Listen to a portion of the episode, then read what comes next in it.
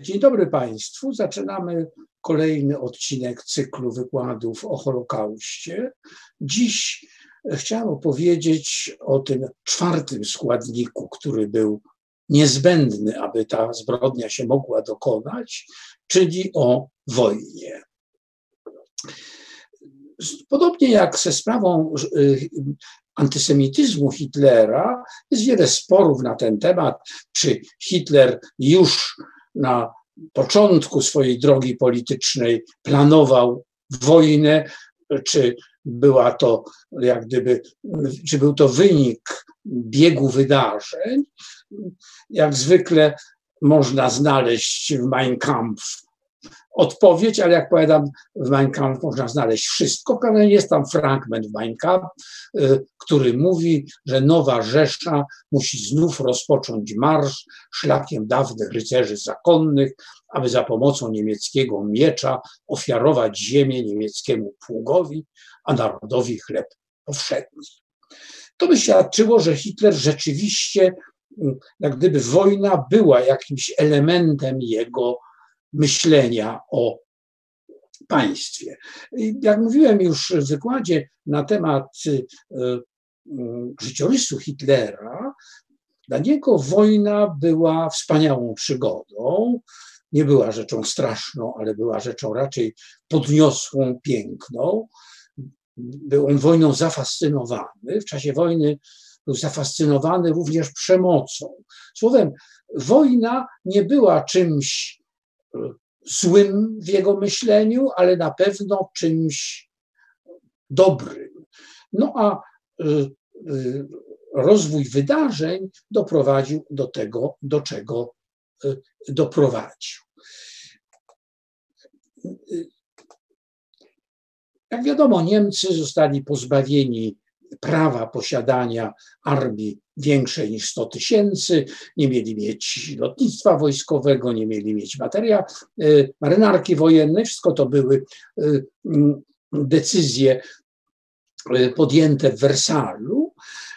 I, ale jeszcze w czasach Republiki Weimarskiej Niemcy z tych ograniczeń próbowali się wyswobodzić, a działo się to dzięki paktowi zawartemu w Rapallo ze Związkiem Sowieckim i dzięki temu e, paktowi e, niemieckie siły pancerne mogły mm, ćwiczyć na poligonach sowieckich również e, niemieckie lotnictwo. Słowem Niemcy już w czasach Republiki Weimarskiej łamali postanowienia traktatu, budując lotnictwo, budując siły pancerne, natomiast Reichswehra była niewątpliwie armią kadrową, ze znaczną przewagą oficerów, miała bowiem służyć jako zalążek przyszłej wielkiej armii niemieckiej, której odbudowanie było celem Niemiec także w czasach Republiki Weimarskiej.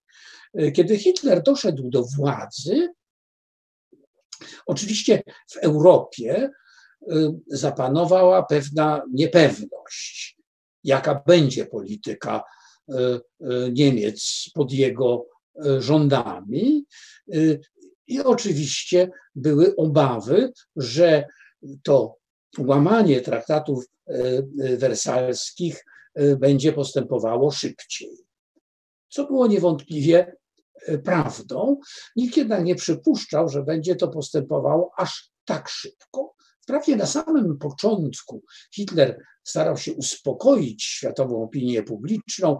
Jednym z elementów tego było zawarcie 20 mm, lipca 1963 roku konkordatu, który e, stanowił pewnego rodzaju taki mm, e, certyfikat moralności, że państwo, które zawiera konkordat ze stolicą apostolską, nie może mieć e, jakichś e, zaborczych planów. Ale już w październiku 1933 Niemcy postanowiły e, wystąpić z Ligi Narodów, co było sygnałem, że jakby będą starały się podważyć ten porządek międzynarodowy, który y, y, panował na świecie po zakończeniu II wojny światowej. Y, jednocześnie Niemcy czyniły różne gesty pojednawcze w stosunku do Europy i takim gestem pojednawczym było zawarcie w styczniu 1934 roku paktu o nieagresji między Polską a Niemcami. Napięcie między Polską a Niemcami istniało od samego początku powstania państwa polskiego i Republiki Niemieckiej. Z oczywistych względów bardzo duża część terytoriów należących przed I wojną światową do Niemiec znalazła się w granicach państwa polskiego. Trwała wojna handlowa, trwały oczywiście zatargi na terenie wolnego miasta Gdańska. Ten pakt o nieagresji miał przekonać świat, że Niemcy starają się ze swoimi sąsiadami dojść do jakiegoś porozumienia pokojowego i w tym czasie, myślę o końcu roku 1933, roku 1934, Hitler głównie mówił o pokoju, wygłaszał wiele przemówień mówiących o wyłącznie pokojowych intencjach swojego rządu. Intencje swoją drogą, a rzeczywistość swoją drogą. I pierwszym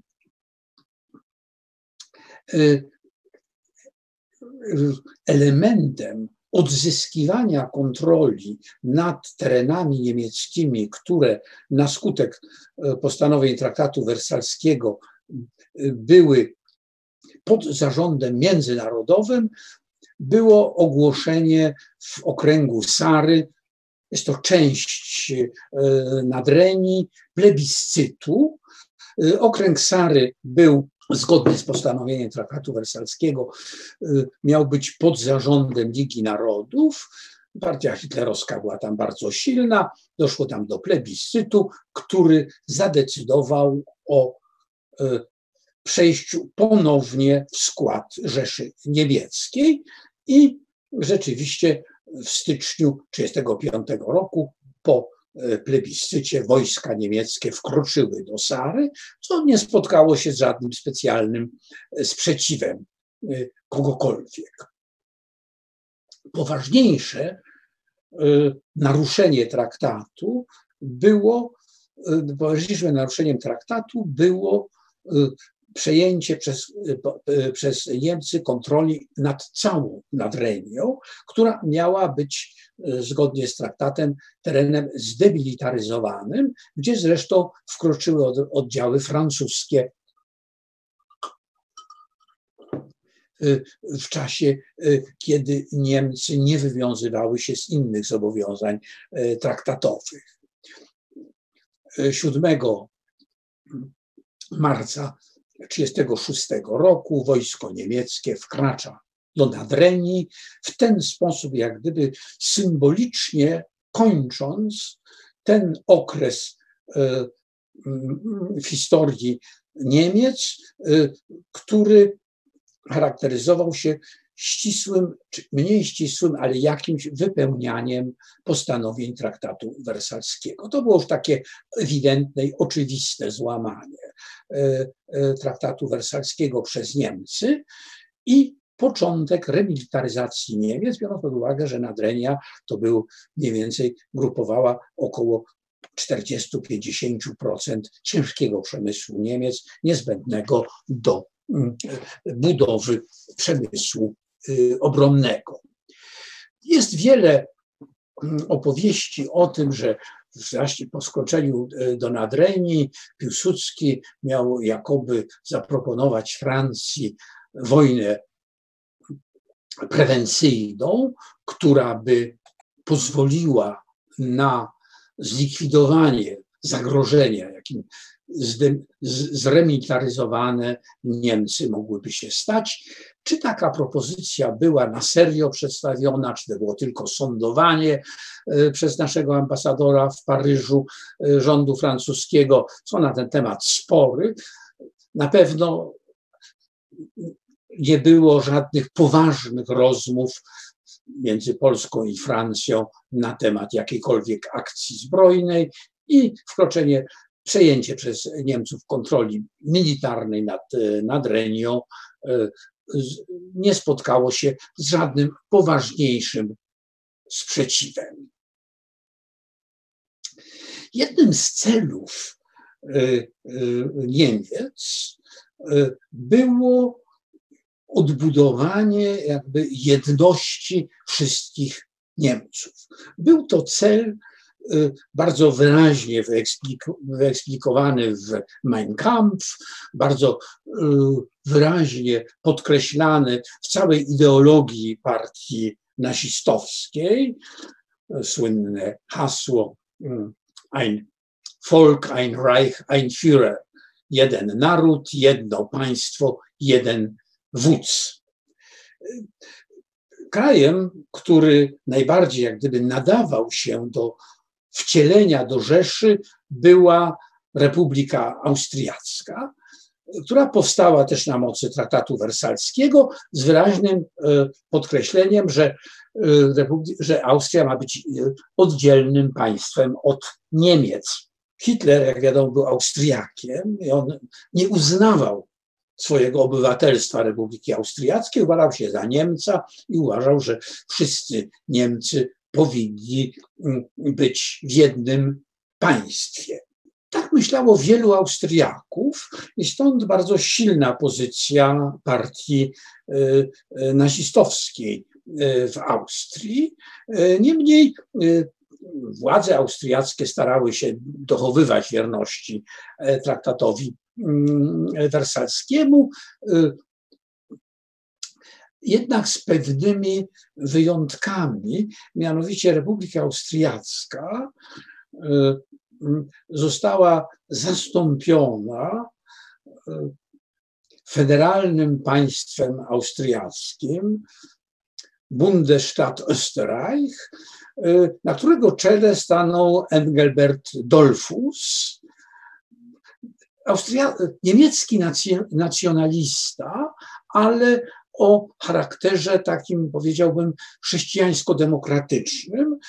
On był bardzo e, blisko związany e, z Mussolinim, z Włochami i e, dokonał rodzaju zamachu stanu, właśnie obalając republikę i wprowadzając takie rządy autorytarne na terenie Austrii rozwiązał w 1964 roku parlament, stając na czele nowego państwa jako jego y, dyktator. Budowa niepodległego państwa austriackiego, blisko związanego z Włochami, ale a nie z Niemcami, była oczywiście w sprzeczności z dążeniami y, zarówno niemieckich, jak i austriackich zwolenników partii Hitlera, i już w 1933 roku, w październiku, miała miejsce próba zamachu e, na Dolfusa, nieudana, e, ale w kilka miesięcy później, w 1934 roku, doszło do puczu, e, kiedy to austriaccy zwolennicy Hitlera wdarli się do siedziby rządu i Dolfus został śmiertelnie postrzelony. Pucz jednak został stłumiony, między innymi dzięki e, spodziewanej pomocy włoskiej. Wtedy na granicy e, austriacko-włoskiej mm, stanęły cztery włoskie dywizje, grożąc w przypadku przejęcia władzy interwencją na rzecz legalnego rządu austriackiego. Hitler e, nie poparł puczu, zdawał sobie sprawę, że e, uwikłałoby to go w wojnę z Włochami, czego nie chciał, i pucz został stłumiony. Niemniej marzenia o podporządkowaniu Austrii Niemcom nadal trwały. To był rok 34. W roku 35 jednak, a zwłaszcza w 36, mają miejsca wydarzenia, które w dużej mierze zmieniają e, geografię polityczną e, powersalskiej Europy. Włochy rozpoczynają wojnę w Abysynii, domagają się kolonii. Jeden z nielicznych niepodległych krajów afrykańskich zostaje przez Włochy najechany i cały świat oczywiście potępia mm, e, Włochy za ten najazd, z wyjątkiem Niemiec. Hitler popiera Mussoliniego w jego zaborczych, w jego zaborczej e, polityce. Jeszcze e, większe zbliżenie następuje w roku 1936, kiedy to wybucha wojna domowa w Hiszpanii i zarówno Niemcy, jak i Włosi w sposób bardzo ostentacyjny popierają e, generała Franco. Również jest to pomoc o charakterze wojskowym. E, zarówno wojska włoskie, jak i wojska niemieckie są obecne na terenie Hiszpanii, popierając wojska generała Franco. Na tym tle następuje zbliżenie włosko-niemieckie i w listopadzie 1936 roku Mussolini na wiecu w Mediolanie ogłasza, że powstaje oś współpracy pomiędzy e, Niemcami i Włochami, oś Berlin-Rzym,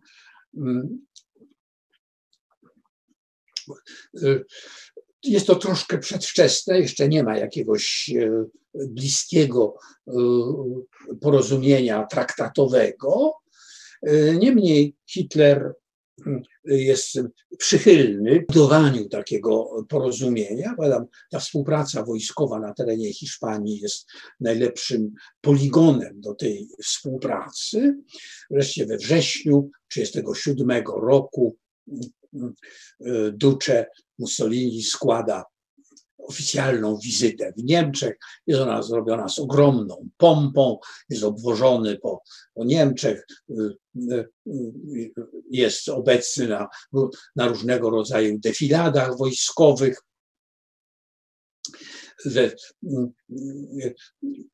w Berlinie przemawia do 800 tysięcznego tłumu na stadionie olimpijskim y, y, i zarówno Hitler, jak i Mussolini podkreślają, że y, faszyzm niemiecki i rządy Hitlera w, w Niemczech, że faszyzm włoski, rządy Hitlera w Niemczech to dwie strony tego samego medalu i że oba kraje będą działały wspólnie na rzecz przebudowy europejskiego ładu. Zwłaszcza, że nieco wcześniej, bo jeszcze w listopadzie 1937 roku, dochodzi do y, podpisania antykominternowskiego paktu pomiędzy Berlinem a Tokio. Formalnie był to pakt mający na celu jakby przeciwstawianie się y, działaniom komunistycznym. Trzeba pamiętać, że, że Japonia w tym czasie prowadzi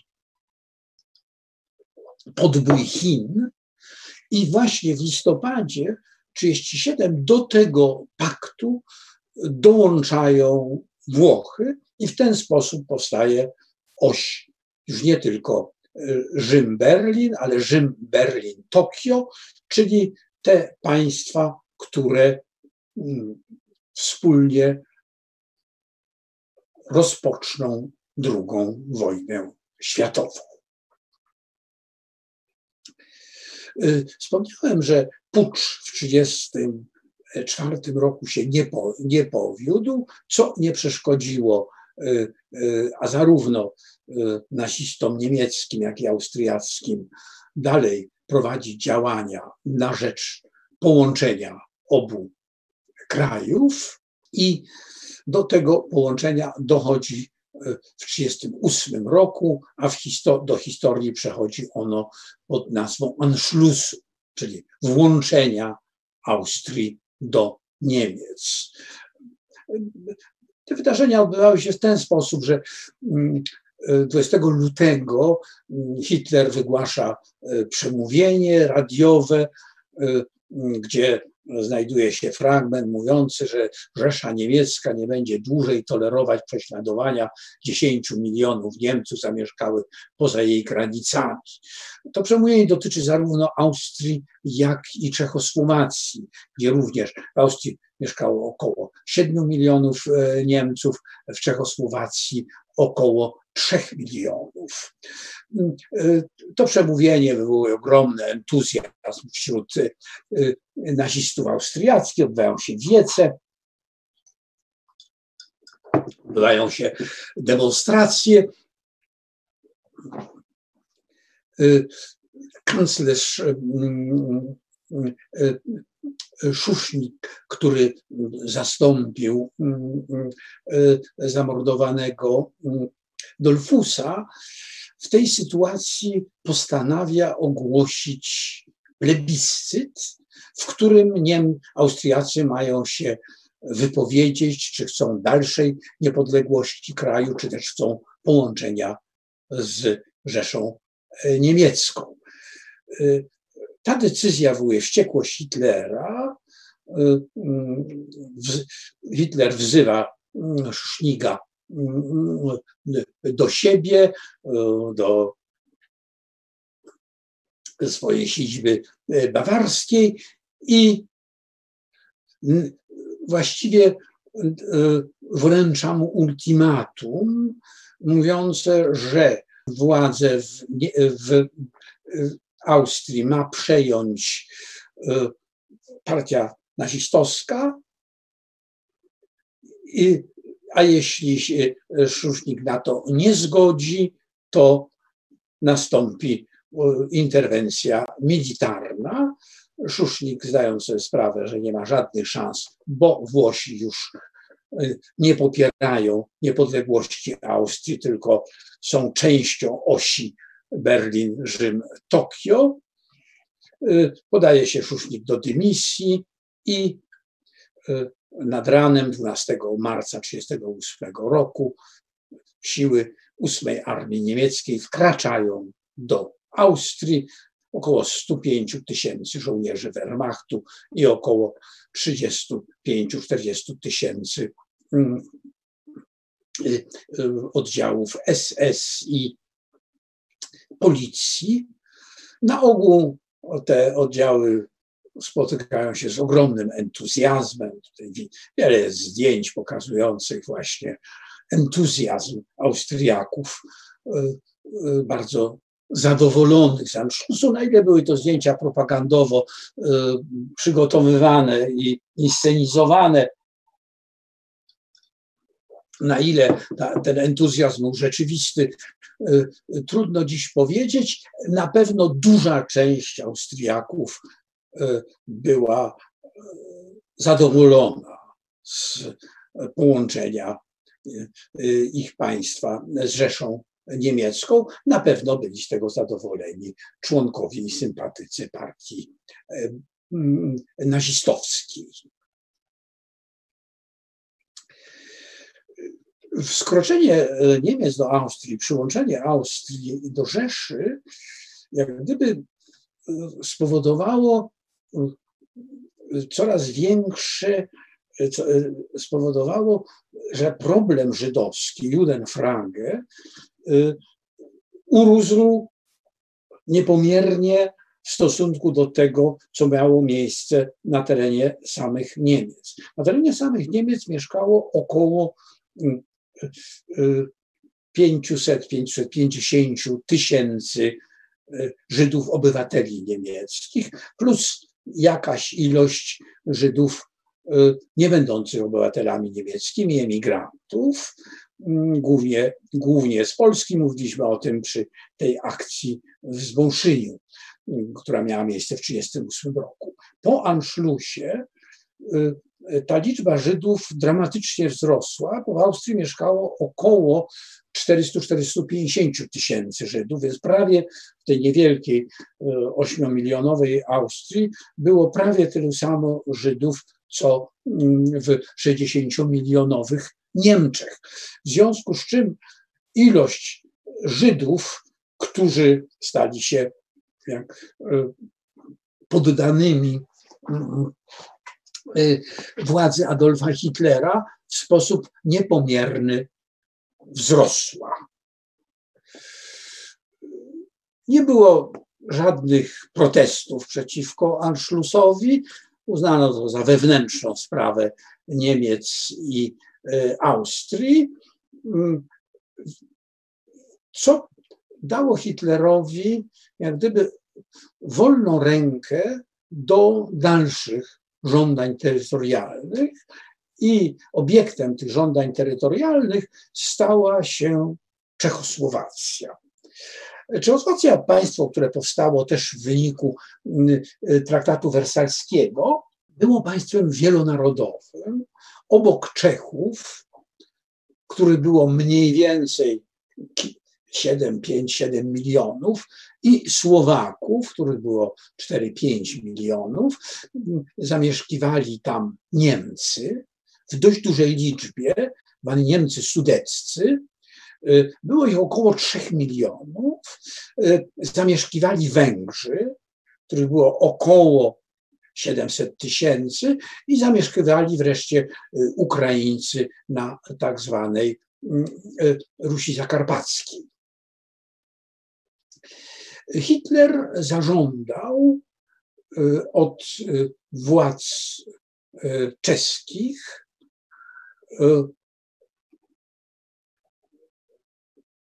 ustąp, ustąpienia terytoriów zamieszkałych przez Niemców, czyli wcielenia terytoriów zamieszkałych w większości przez Niemców do III Rzeszy, która już obejmowała Austrię.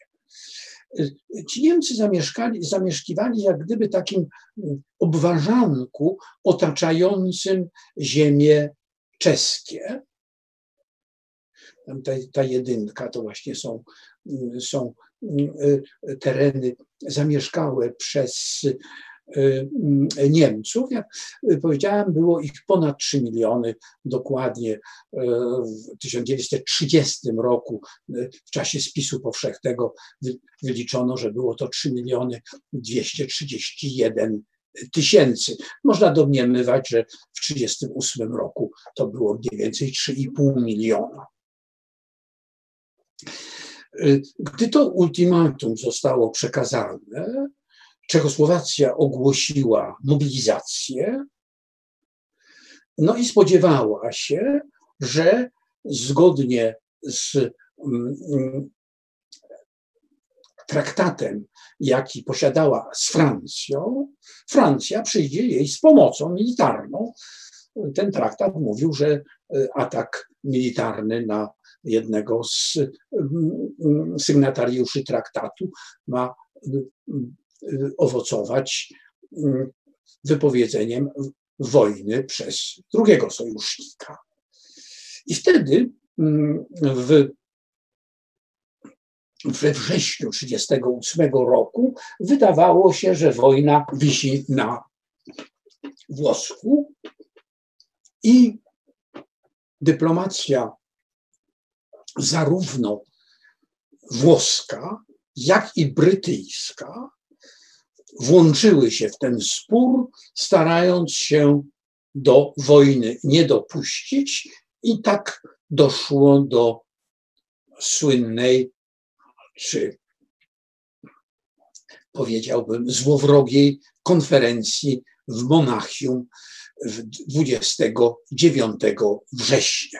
Na tą konferencję na zaproszenie Hitlera zjechali przywódcy czterech mocarstw.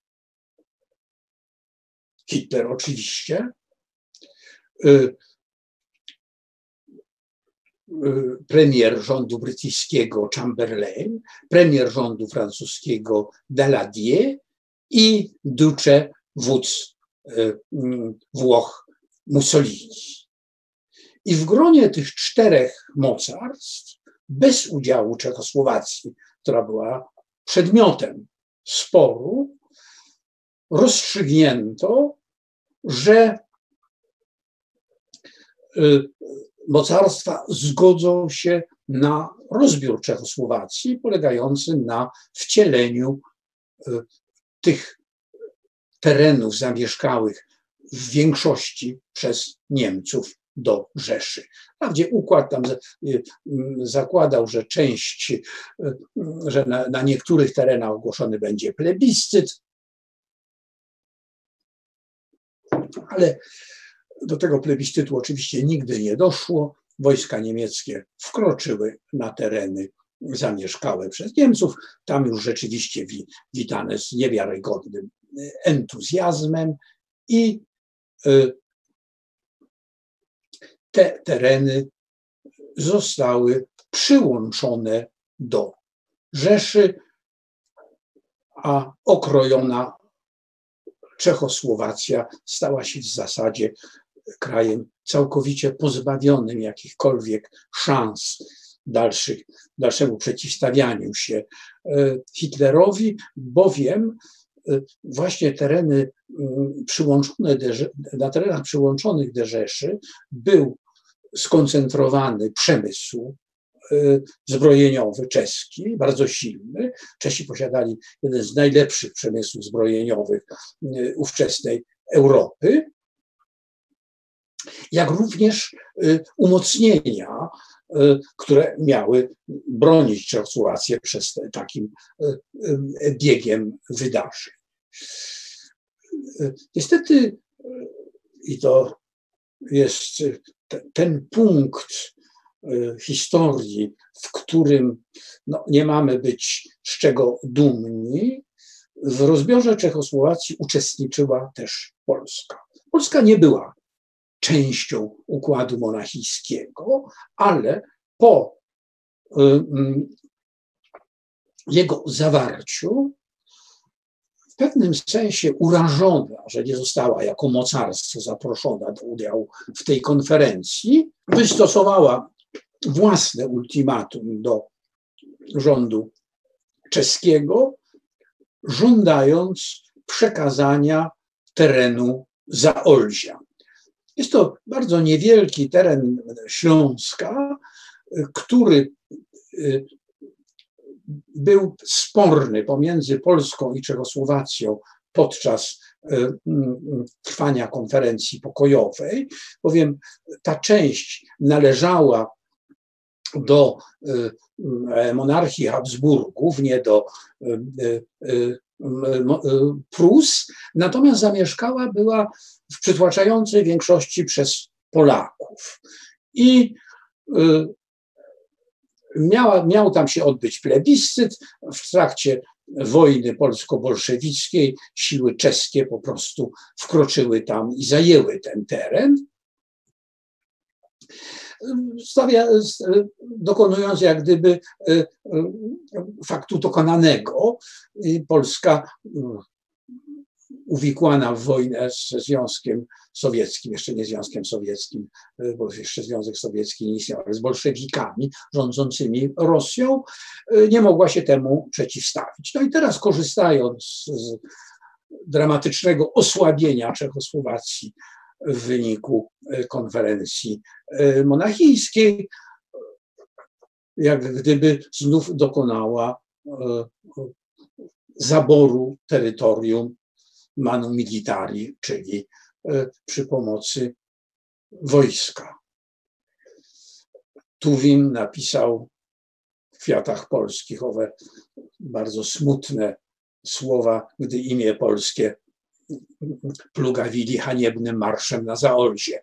No rzeczywiście było to haniebne, dlatego że było to jakby współdziałanie z Hitlerem, co zresztą teraz przypomina bardzo często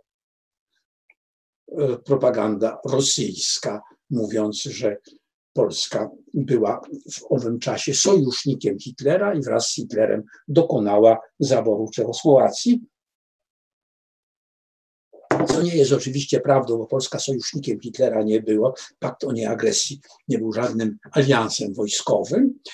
Y, nie dokonała tego niejako razem z Hitlerem, ale niejako obok Hitlera. No, niemniej mm, z punktu widzenia praktycznego było to wzięcie udziału w rozbiorze Czechosłowacji, podobnie jak dokonała tego Rzesza Niemiecka.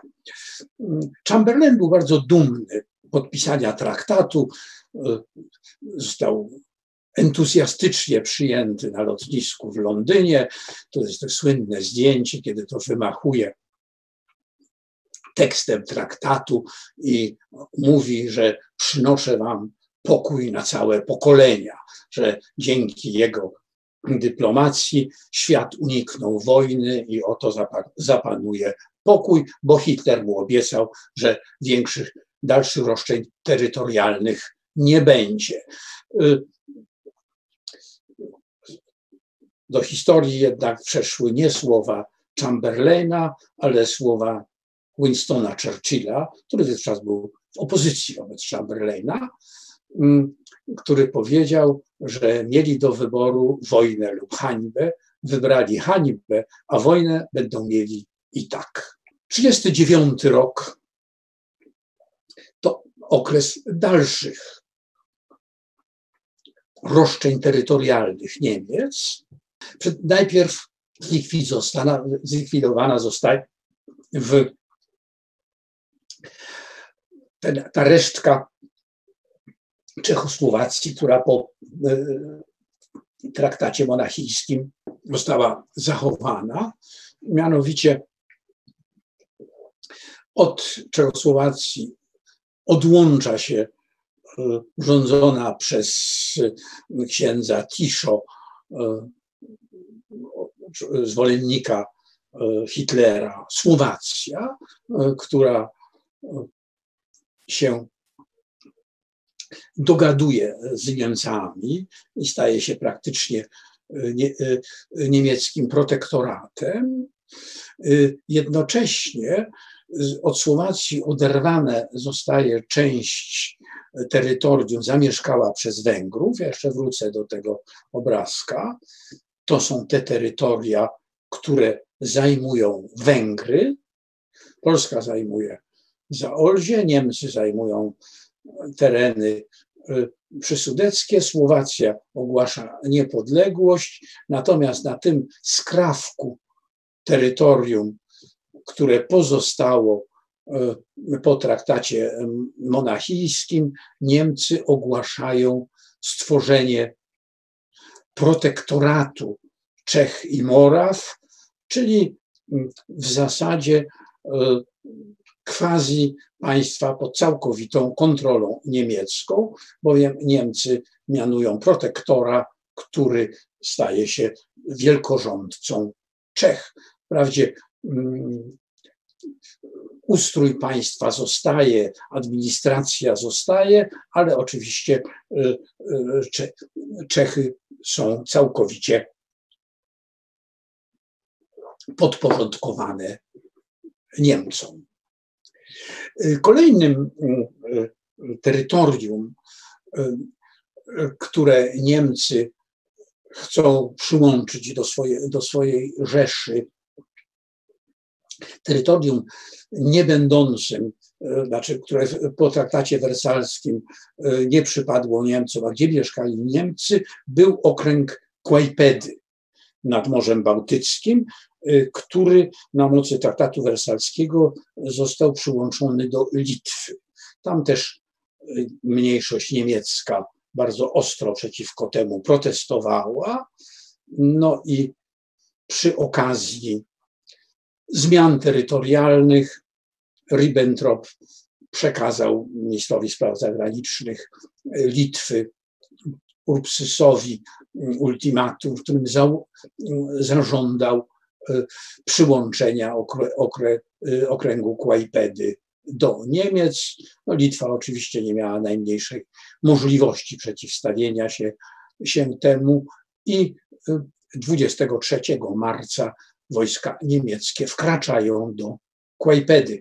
Miało to o tyle istotne znaczenie dla dalszego biegu e, wydarzeń związanych z zagładą Żydów, że na terenie Kłajpedy stworzono e, pomocnicze oddziały litewskie pod komendą niemiecką, które dokonają zagłady Żydów na terenie Litwy.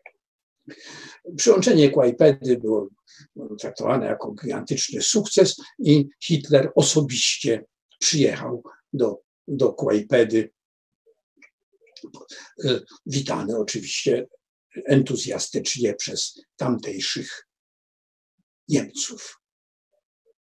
To był marzec 30 1939 roku, było oczywiste, że następnym żądaniem terytorialnym Niemiec będzie kolejna część,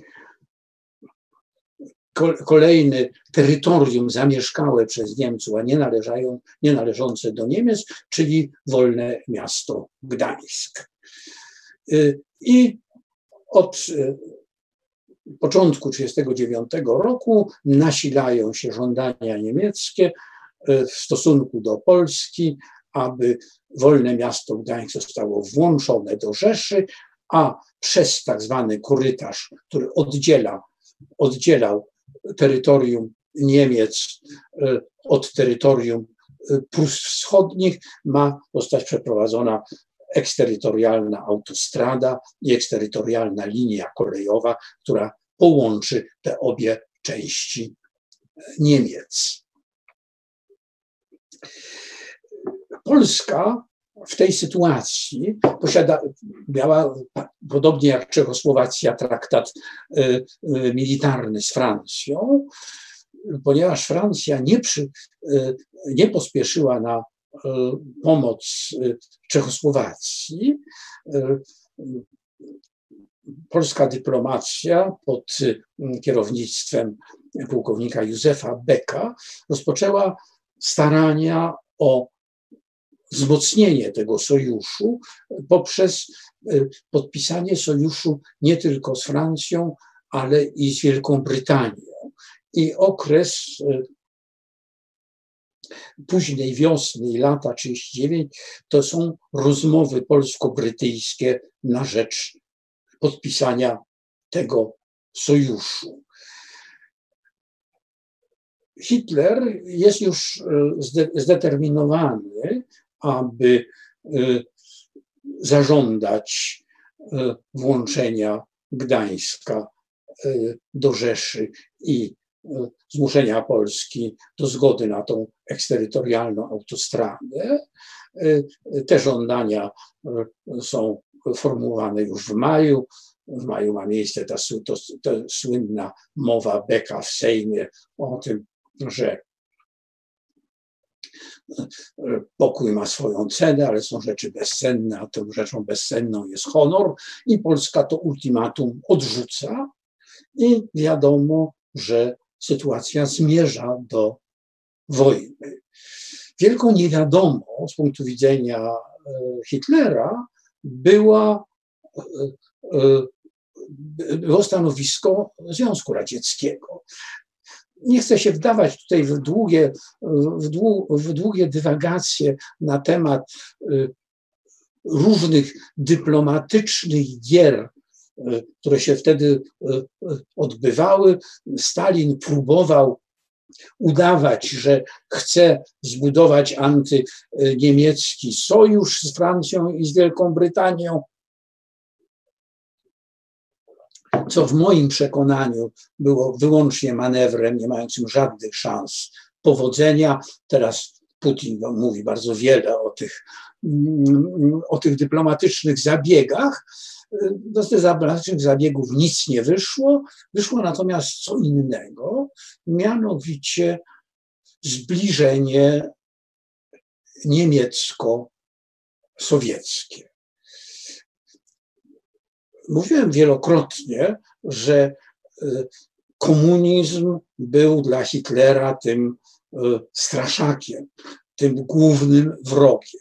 Ale to nie przeszkadzało współpracować z komunistami jeszcze przed dojściem do władzy, a także blisko współpracować ze Związkiem Sowieckim na terenie, y, na, na obszarze gospodarczym, a także w obszarze militarnym, bo te dwa reżimy autorytarne były wbrew pozorom bardzo sobie bliskie. W każdym razie, jeśli chodzi o wizję świata, obie przeciwstawiały się e, e, ładowi wersalskiemu. No i e, jakby autorytaryzm czy niechęć do demokracji była równie silna w Związku Sowieckim, jak i w hitlerowskich Niemczech.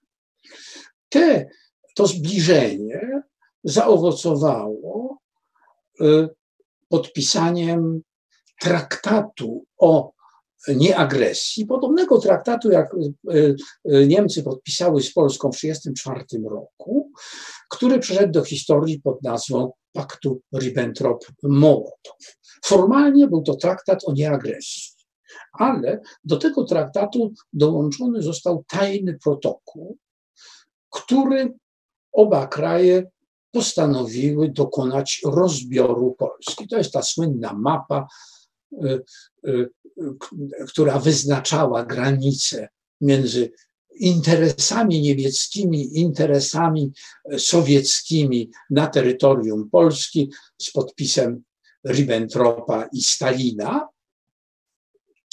Ten traktat bowiem y, mówił, że w momencie wkroczenia wojsk niemieckich do Polski, dla Stalina nie było już tajemnicą, że wojna wybuchnie lada dzień. Y, Niemcy zatrzymają się na tej granicy, a, ten, a, ten, a to terytorium polskie zostanie zajęte przez wojska sowieckie. To, że y, y, wojna była już zadecydowana, wiemy ze słynnego y, przemówienia Hitlera, które wygłosił on 22 sierpnia, a więc w dzień przed podpisaniem traktatu Ribbentrop-Mołotow, do generałów, którzy zostali wezwani do mm, jego y, kwatery y, w Alpach Bawarskich. To właśnie to zdjęcia tej jego kwatery. I na, y, na tym spotkaniu Hitler wygłosił przemówienie, które przeszło do historii jako tak zwana mowa armeńska, w którym zarysował cele wojenne Niemiec w mające się rozpocząć wojnie. Przeczytam ten fragment, dlatego że on dobrze oddaje y, zamiary Hitlera, a także pokazuje, czym miała być rozpoczynająca się wojna y, y, i jak ona miała wyglądać w stosunku do wszystkich dawnych wojen. Ten kluczowy fragment brzmi następująco. Naszą siłą jest nasza szybkość i brutalność. Dżingis Khan rzucił miliony kobiet i dzieci na rzeź z premedytacją i z lekkim sercem. Historia widzi w nim tylko wielkiego założyciela państw. To, co mówią o mnie słabe cywilizacje zachodnioeuropejskie, nie ma dla mnie żadnego znaczenia. Wydałem rozkaz i każę rozstrzelać każdego, kto wyrazi choć jedno słowo krytyki, że celem wojny nie jest osiągnięcie jakiejś linii geograficznej, ale fizyczna eksterminacja wrogów. Obecnie tylko na wschodzie umieściłem oddziały SS Totenkopf, dając im rozkaz nieugiętego i bezlitosnego zabijania wszystkich mężczyzn, kobiet i dzieci polskiej rasy i języka, bo tylko tą drogą zdobyć możemy potrzebną nam przestrzeń życiową. Kto w naszych czasach jeszcze mówi o eksterminacji Ormian? Jest kwestia, czy to ostatnie zdanie jest prawdziwe, czy nieprawdziwe na temat tego. Ten, ten, ten mm, tekst jest autentyczny. Został on odnaleziony przez jednego z brytyjskich dziennikarzy, był kwestionowany i w trakcie procesu norymberskiego nie został dopuszczony jako e, e, dowód w czasie e, procesu, ale późniejsze badania dowiodły, że jest on absolutnie autentyczny, z wyjątkiem tego ostatniego zdania o Armenii. Było to 22 sierpnia, 23 podpisany został e, pakt Ribbentrop-Mołotow. Notabene ten tajny protokół był od razu znany za, zarówno w Waszyngtonie, jak i w Londynie, jak i w Paryżu. Także już wiedziano, że wojna jest nieuchronna. Polska 23 ogłosiła mobilizację i pierwszego czekała na rozpoczęcie wojny, które nastąpiło 1 września o świcie, jak wiadomo. Ja nie będę mówił wiele o samym przebiegu działań wojennych, dlatego że to jest temat na odrębną e, opowieść. Opowiem tylko o jak realizowane były te e, zamysły Hitlera dotyczące eksterminacji ludności polskiej. To są zdjęcia właśnie pokazujące z września 1939 roku. Jak wiadomo, polska armia została w ciągu trwającej miesiąc i pięć dni kampanii pobita. 17 września e, od wschodu wkroczyły wojska sowieckie i zatrzymały się na tej linii, którą wyrysował Hitler, Stalin i Ribbentrop 23 e, sierpnia e, w Moskwie. Po pokonaniu polskiej armii, e, ostateczna kapitulacja nastąpiła ostatnich oddziałów Kleberga, nastąpiła 5 września. Niemcy dokonali rozbioru tej części Polski, e, e, którą zajęli, mianowicie włączając do Rzeszy tak zwany kraj Warty, czyli cały okręg poznański, e, sięgający aż po Łódź. Łódź została włączona do Rzeszy. Do Rzeszy została włączona część należąca do Polski Śląska i część Pomorza. Oczywiście także wolne miasto Gdańsk i y, korytarz. Na skrawku terytorium polskiego, obejmującym mniej więcej jedną piątą y, y, terytorium Rzeczpospolitej, to są granice Rzeczpospolitej przedwojennej, Niemcy utworzyli tak zwane generalne gubernatorstwo, czyli quasi państwo, na którego czele stanął gubernator Hans Frank, państwo z administracją niemiecką. To jest bardzo istotne, dlatego że w większości okupowanych krajów y, Niemcy pozostawiali lokalną administrację. Tak było w Norwegii, tak było mm, w, y, w Czechach. Y, no, państwa Węgry, Słowacja były formalnie niepodległe. Y, w Polsce natomiast administracja w całości została przejęta przez Niemców. Pozostawione zostały tylko lokalne władze samorządowe w miastach, oczywiście pod zarządem niemieckim, i pozostawiona została polska policja, co miało bardzo istotne znaczenie w późniejszym biegu wydarzeń. Oczywiście eksterminacja 35-milionowego narodu była niemożliwa ze względów chociażby czysto technicznych. Jednak wprowadzenie tego pomysłu Hitlera na eksterminację zaczęto od eksterminacji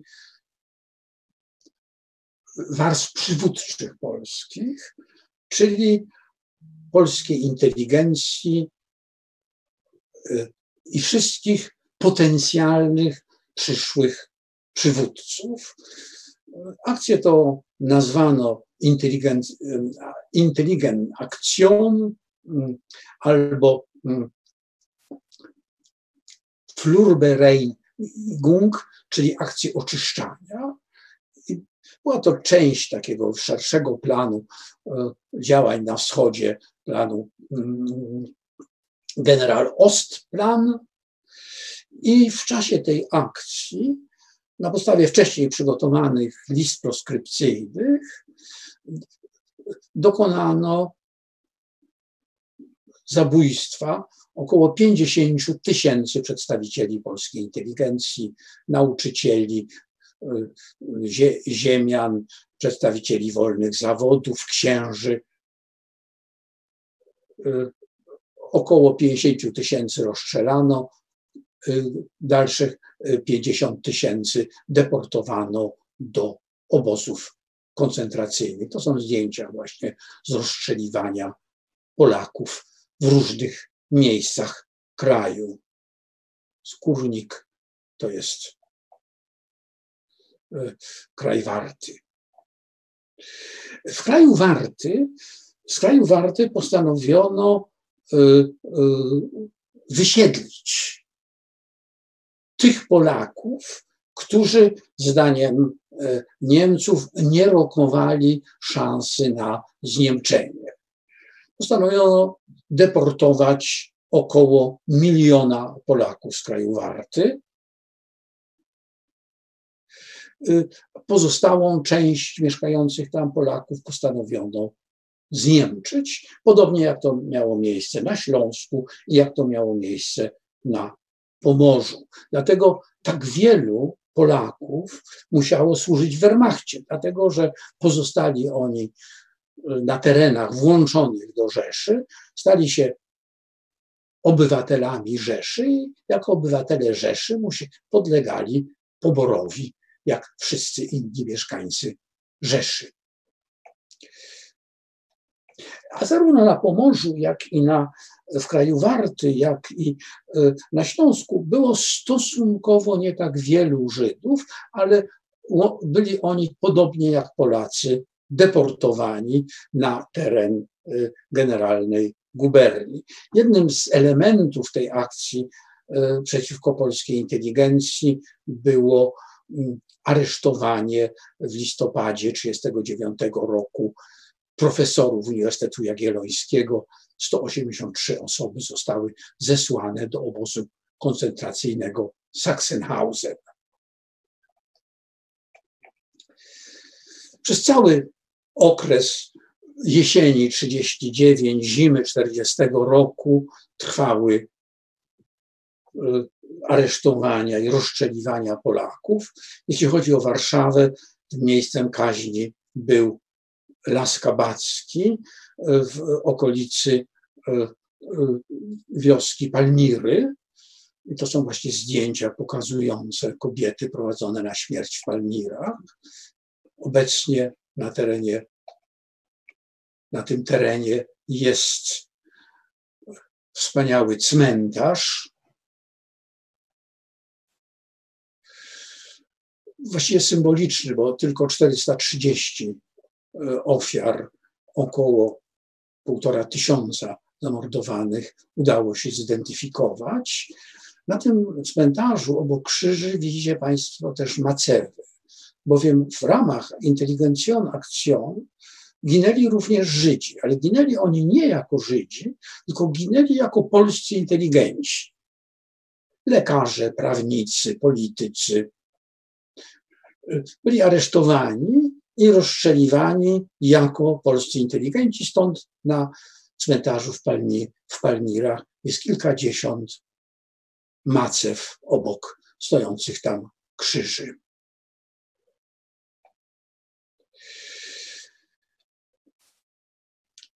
Tych rozstrzeliwań i tych egzekucji dokonywały tak zwane Einsatzgruppen. Były to Einsatzgruppen, czyli grupy specjalne, były to oddziały złożone z policji, SS i e, e, różnych innych formacji, które miały za zadanie zabezpieczanie jakby porządku na tyłach frontu. I ten Einsatzgruppen, właśnie taka Einsatzgruppe pod przewodnictwem e, e, Bruno, Schulz, Bruna e, Millera dokonała aresztowania profesorów na Uniwersytecie Jagiellońskim i one dokonywały również tych rozstrzeliwań Polaków. Nie oznacza to, że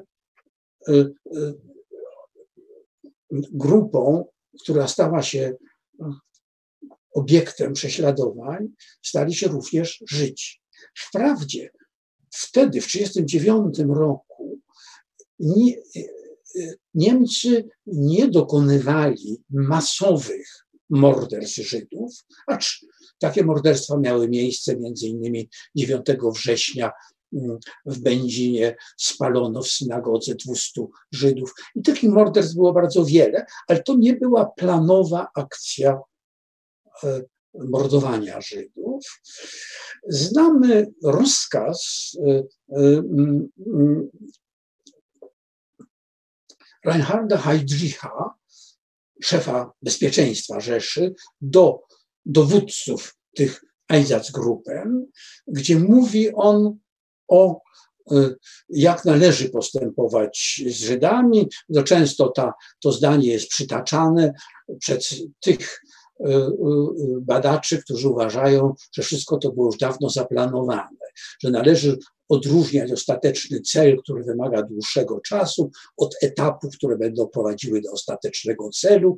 Pierwszym założeniem prowadzącym do ostatecznego celu jest koncentracja Żydów z prowincji w większych miastach. Jak wiadomo, pierwsze getto powstało w 1939 roku w Piotrkowie, już w październiku, i rzeczywiście te getta powstają. Żydzi są upakarzani, są e, e, wyśmiewani, ale przede wszystkim są e, na terenie e, przede wszystkim generalnej e, guberni, bo tam mieszkała większość polskich Żydów, wprowadzane zostają te same obostrzenia, które dotyczyły wcześniej Żydów niemieckich, a nawet obostrzenia idą znacznie dalej. Krótki katalog.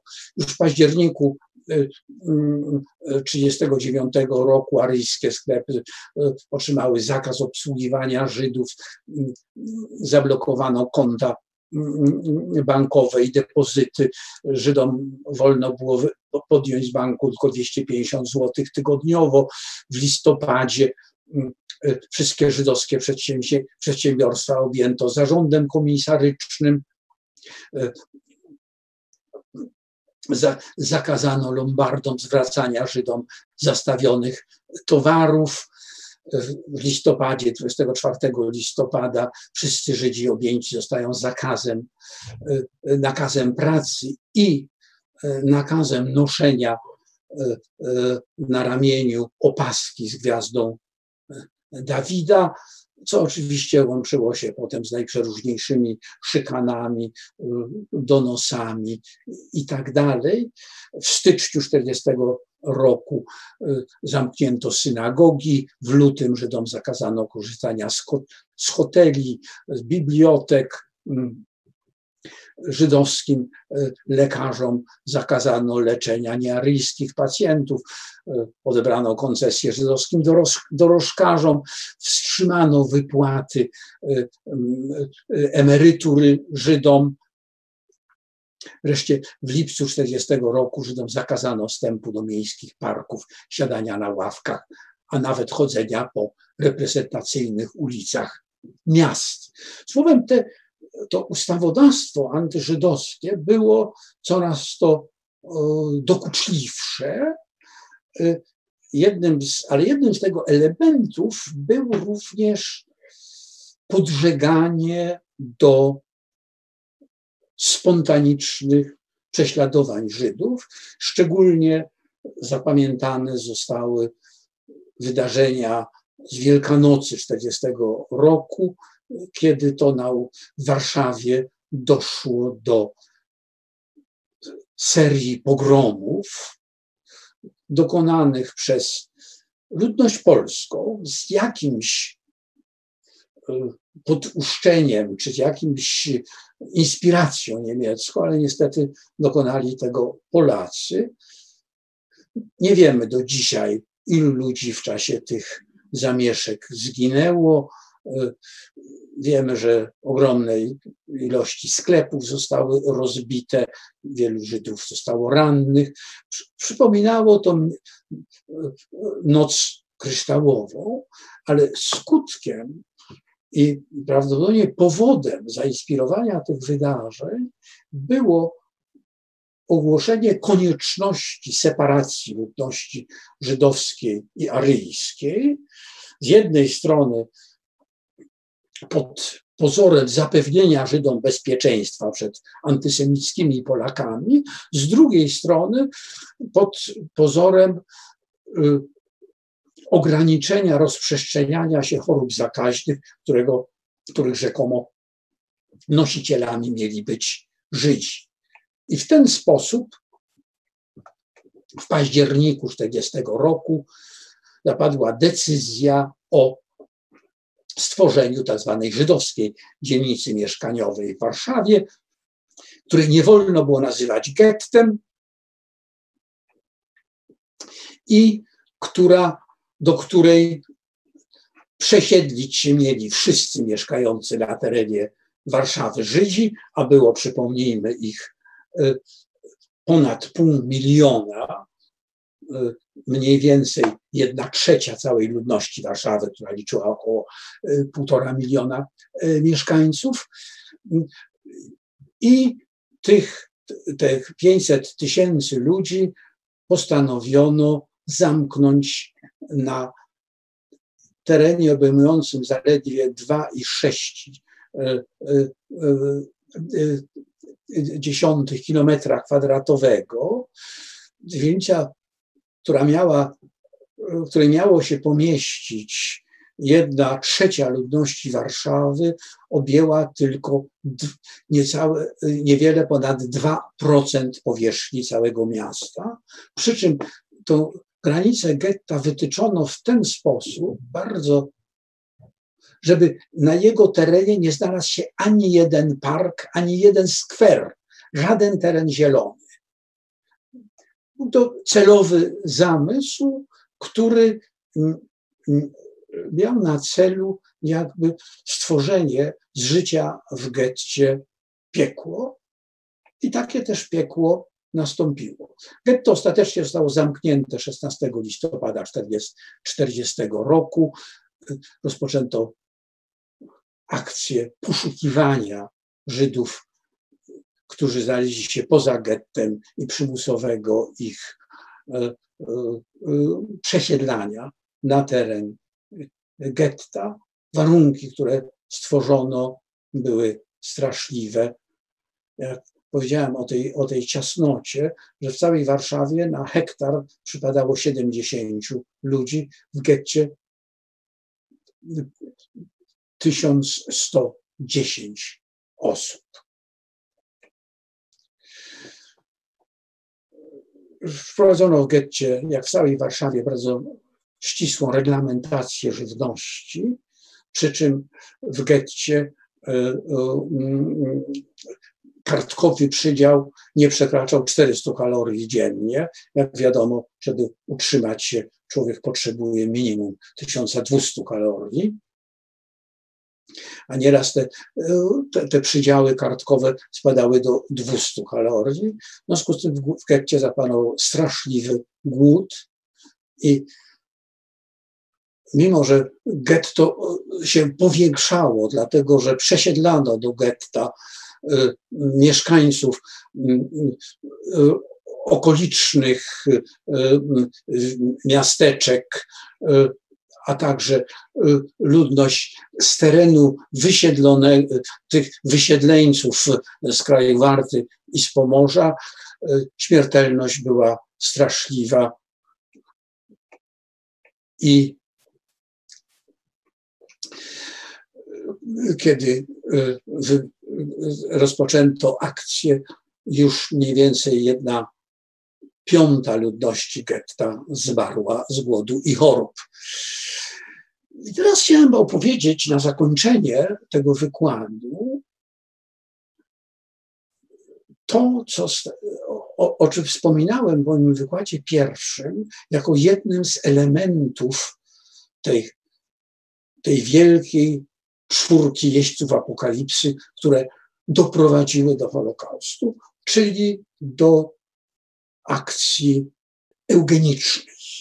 W Niemczech, e, jeszcze e, weimarskich, ale oczywiście w Niemczech hitlerowskich, bardzo silna propaganda na rzecz eugeniki.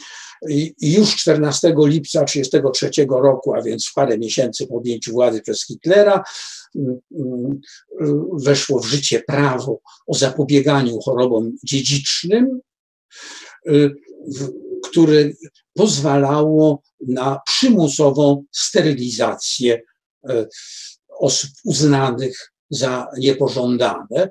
W sumie od 30 do, do 1937 roku wysterylizowano w Niemczech 200 tysięcy osób.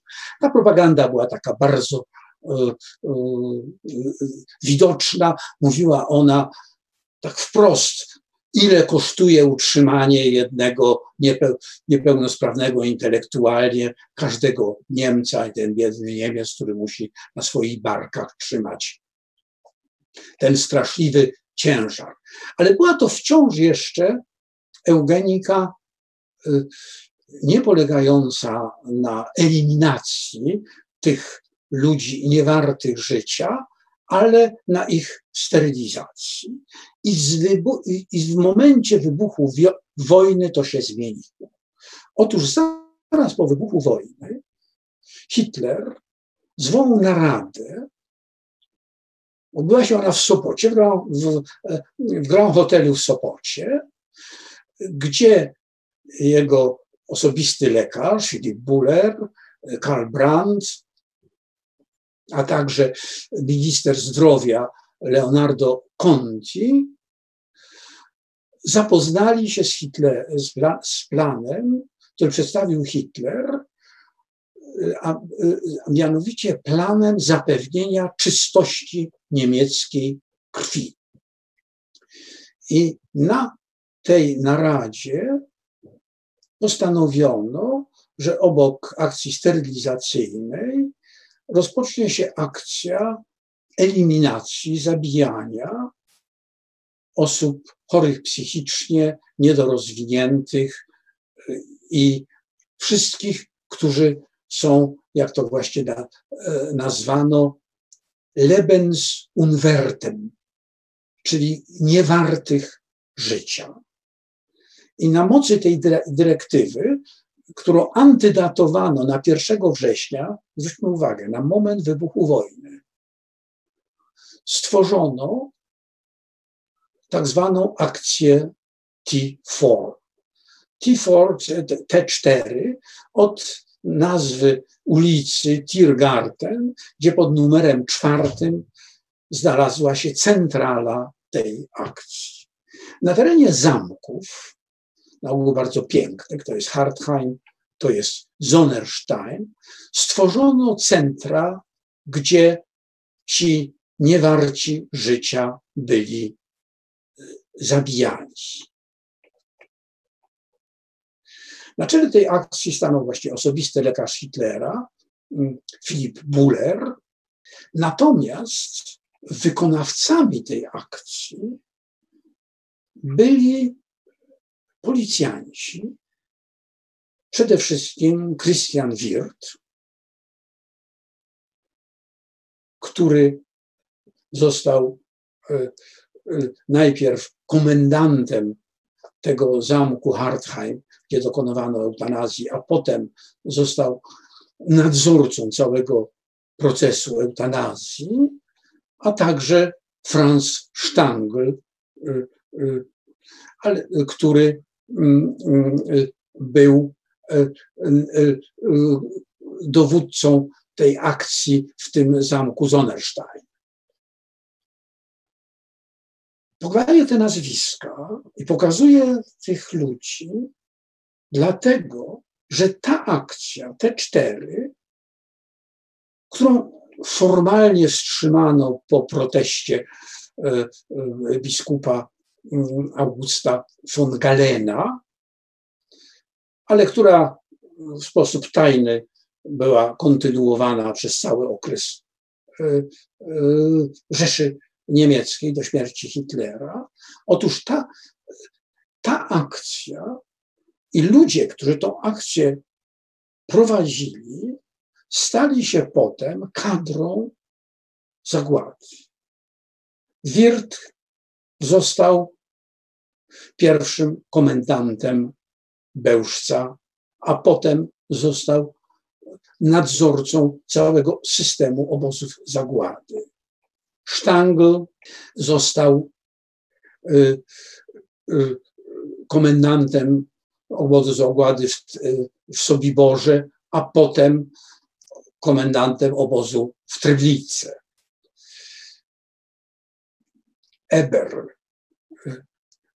wielu innych, niemal wszyscy ludzie, których Globocnik, szef policji SS dystryktu lubelskiego, włączył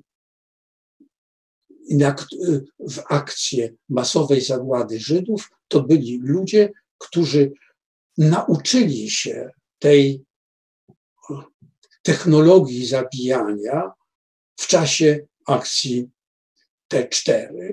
Tam po raz pierwszy użyto gazu zabijania ludzi, zastrzyków. Słowem, to byli specjaliści od masowego zabijania. I ta akcja nieprzypadkowo rozpoczęła się w dniu wybuchu wojny kiedy życie stało się tanie.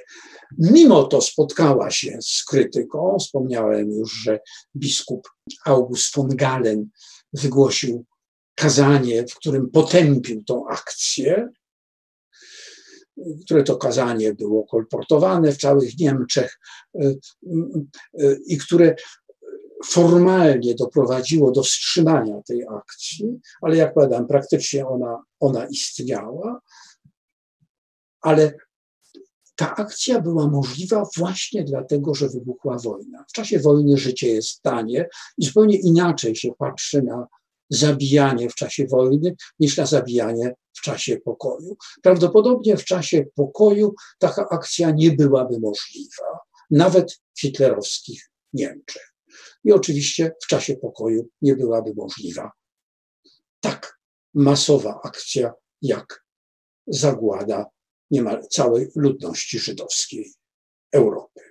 Dziękuję bardzo. Następnym razem, przy następnym spotkaniu będziemy mówili o zagładzie jako takiej o jej początku, związanych z wybuchem kolejnej wojny, czyli wojny sowiecko-niemieckiej. Dziękuję bardzo.